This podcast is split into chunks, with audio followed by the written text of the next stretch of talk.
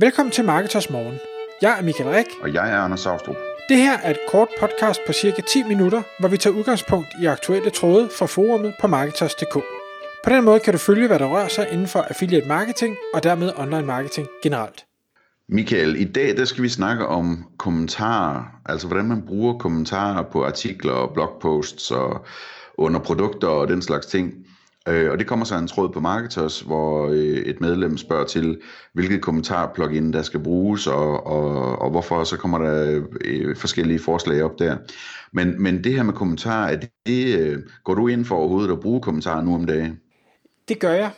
Det jeg har set, øh, nu kan man sige, det er ikke fordi jeg blogger så regelmæssigt som jeg burde, det vil sige måske en gang om året, øhm, men øh, der var for år tilbage, der synes jeg, der var det mere udbredt, at folk de egentlig valgte at kommentere på øh, de indlæg, der blev skrevet, og man kunne få en dialog i gang. Jeg har altid øh, gået meget op i, at hvis der er nogen, der skriver en kommentar, uanset om det så bare er godt indlæg, så svarer jeg tilbage. Og måske prøver han da at svare tilbage, så der kan komme en eller anden form for dialog i gang. Hvis der er nogen, der for eksempel skrev, jamen det var et godt indlæg, så kunne jeg godt finde på at skrive, tusind tak, det er jeg virkelig glad for, det gav dig værdi. Hvad kunne du bedst lide?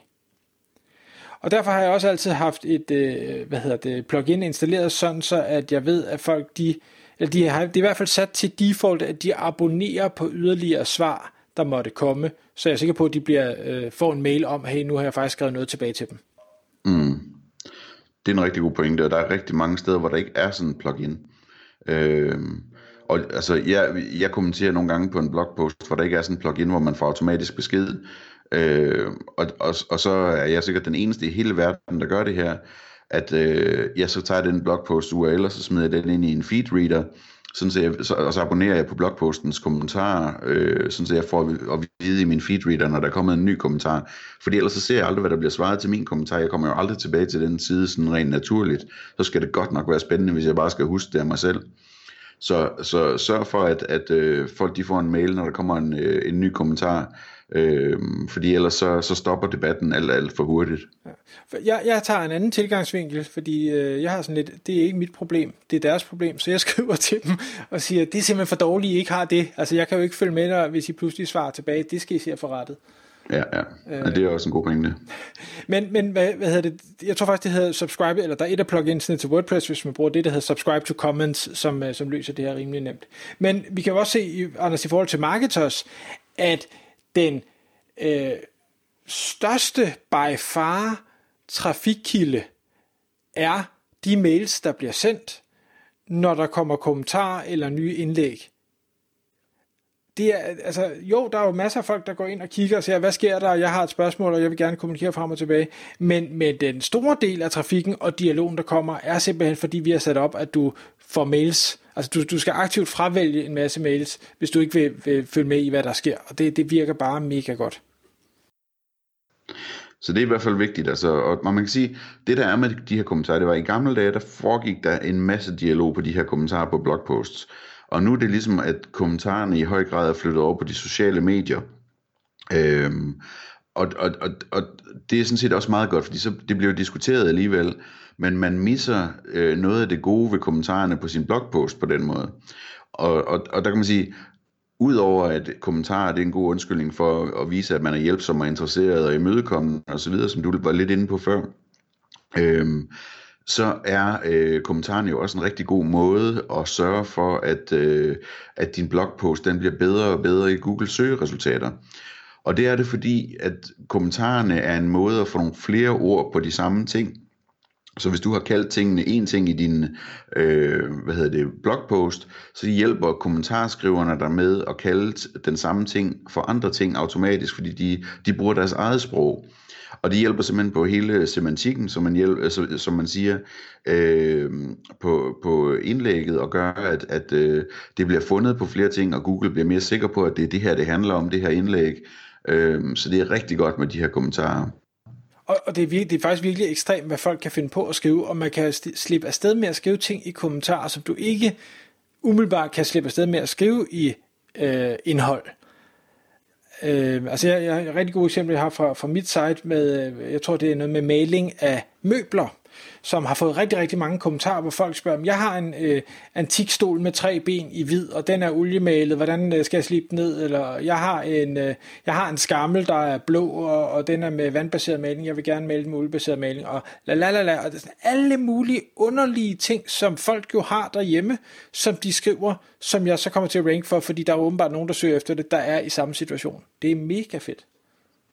Og man kan også nogle gange få hjælp, hvor det, der kommer kommentarer, hvor de bruger sådan nogle gode ord som billigste, eller bedste, eller øh, testvinder, eller et eller andet. Altså sådan, der kan komme hjælp på mange måder i de der kommentartekster i virkeligheden.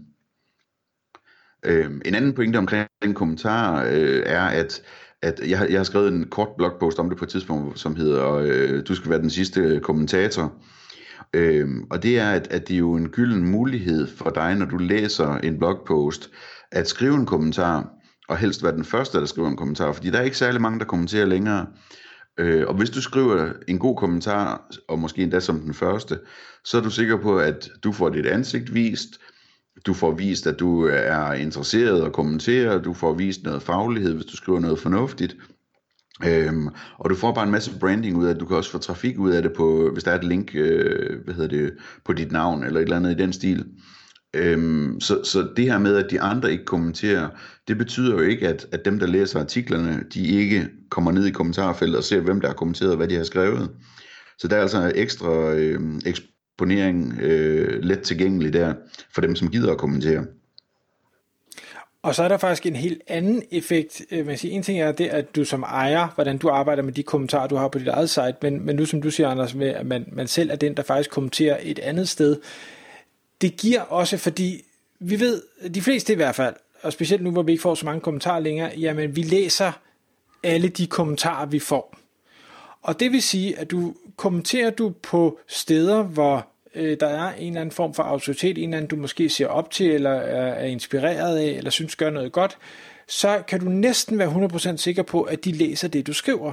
Hvor hvis du sender en mail, så er det ikke sikkert, at de gider svare tilbage, men, men, men skriv der, så kan du næsten være sikker på, at de læser. Og kan du så skrive noget godt, noget, der giver værdi til både dem og læseren, måske også en lille øh, faglig, savlig ros, øh, det kan vi jo alle sammen godt lide, så giver det dig stille og roligt et, et, hvad skal jeg sige, et lille blip på den her persons radar, så kommenterer du igen og igen og igen og igen og hele tiden leverer værdi, jamen så vil du bare stille og roligt fylde en større og større del i vedkommendes bevidsthed, og når du så sender den mail, du måske sender, når du pludselig gerne vil have et samarbejde, eller ønsker et eller andet, eller vil interviews til et podcast, eller hvad, jamen så, så er det meget, meget nemmere at få den adgang og få det, du egentlig ønsker, fordi nu kender de dig jo næsten.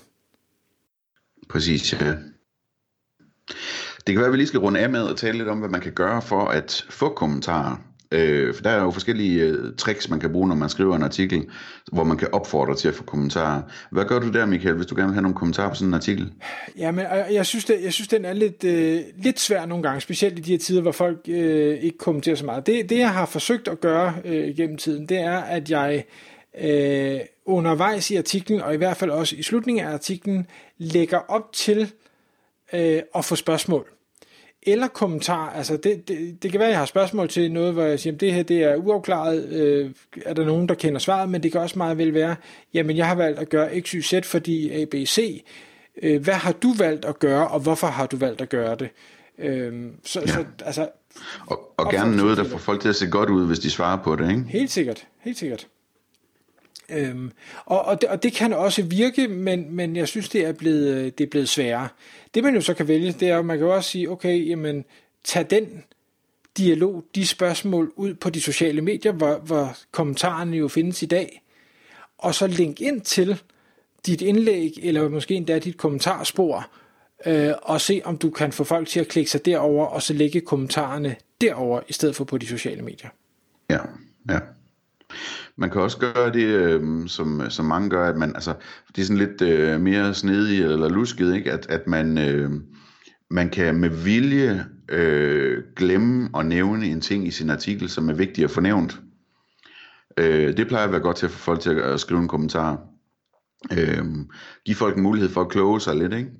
Øh, det, det, det, det kender jeg mange, som gør faktisk, som, som med vilje lige overser en enkelt ting, når de laver deres artikel, for at være sikker på, at der kommer en kommentar og, og, og en debat ud af det. Ikke? Øh, og på samme måde, så kan man skrive noget, øh, som er decideret forkert, øh, men så er vi ude sådan, hvor jeg ikke synes, det er særlig sjovt længere, men det er der altså også folk, der gør, som skriver noget provokerende, eller noget forkert, eller et eller andet, for, for at få pisket en stemning op, sådan så øh, de er sikre på, at der kommer gang i kommentarerne. Og der har jeg et godt eksempel. Øh, vores gode ven Steffen Hedenbrand, jeg kan huske, at det, det signerede mig stadig, det indlæg var et eller andet med, at øh, du kunne ikke være en, en dygtig marketing øh, medarbejder, hvis du var over 40, eller sådan en eller anden den stil.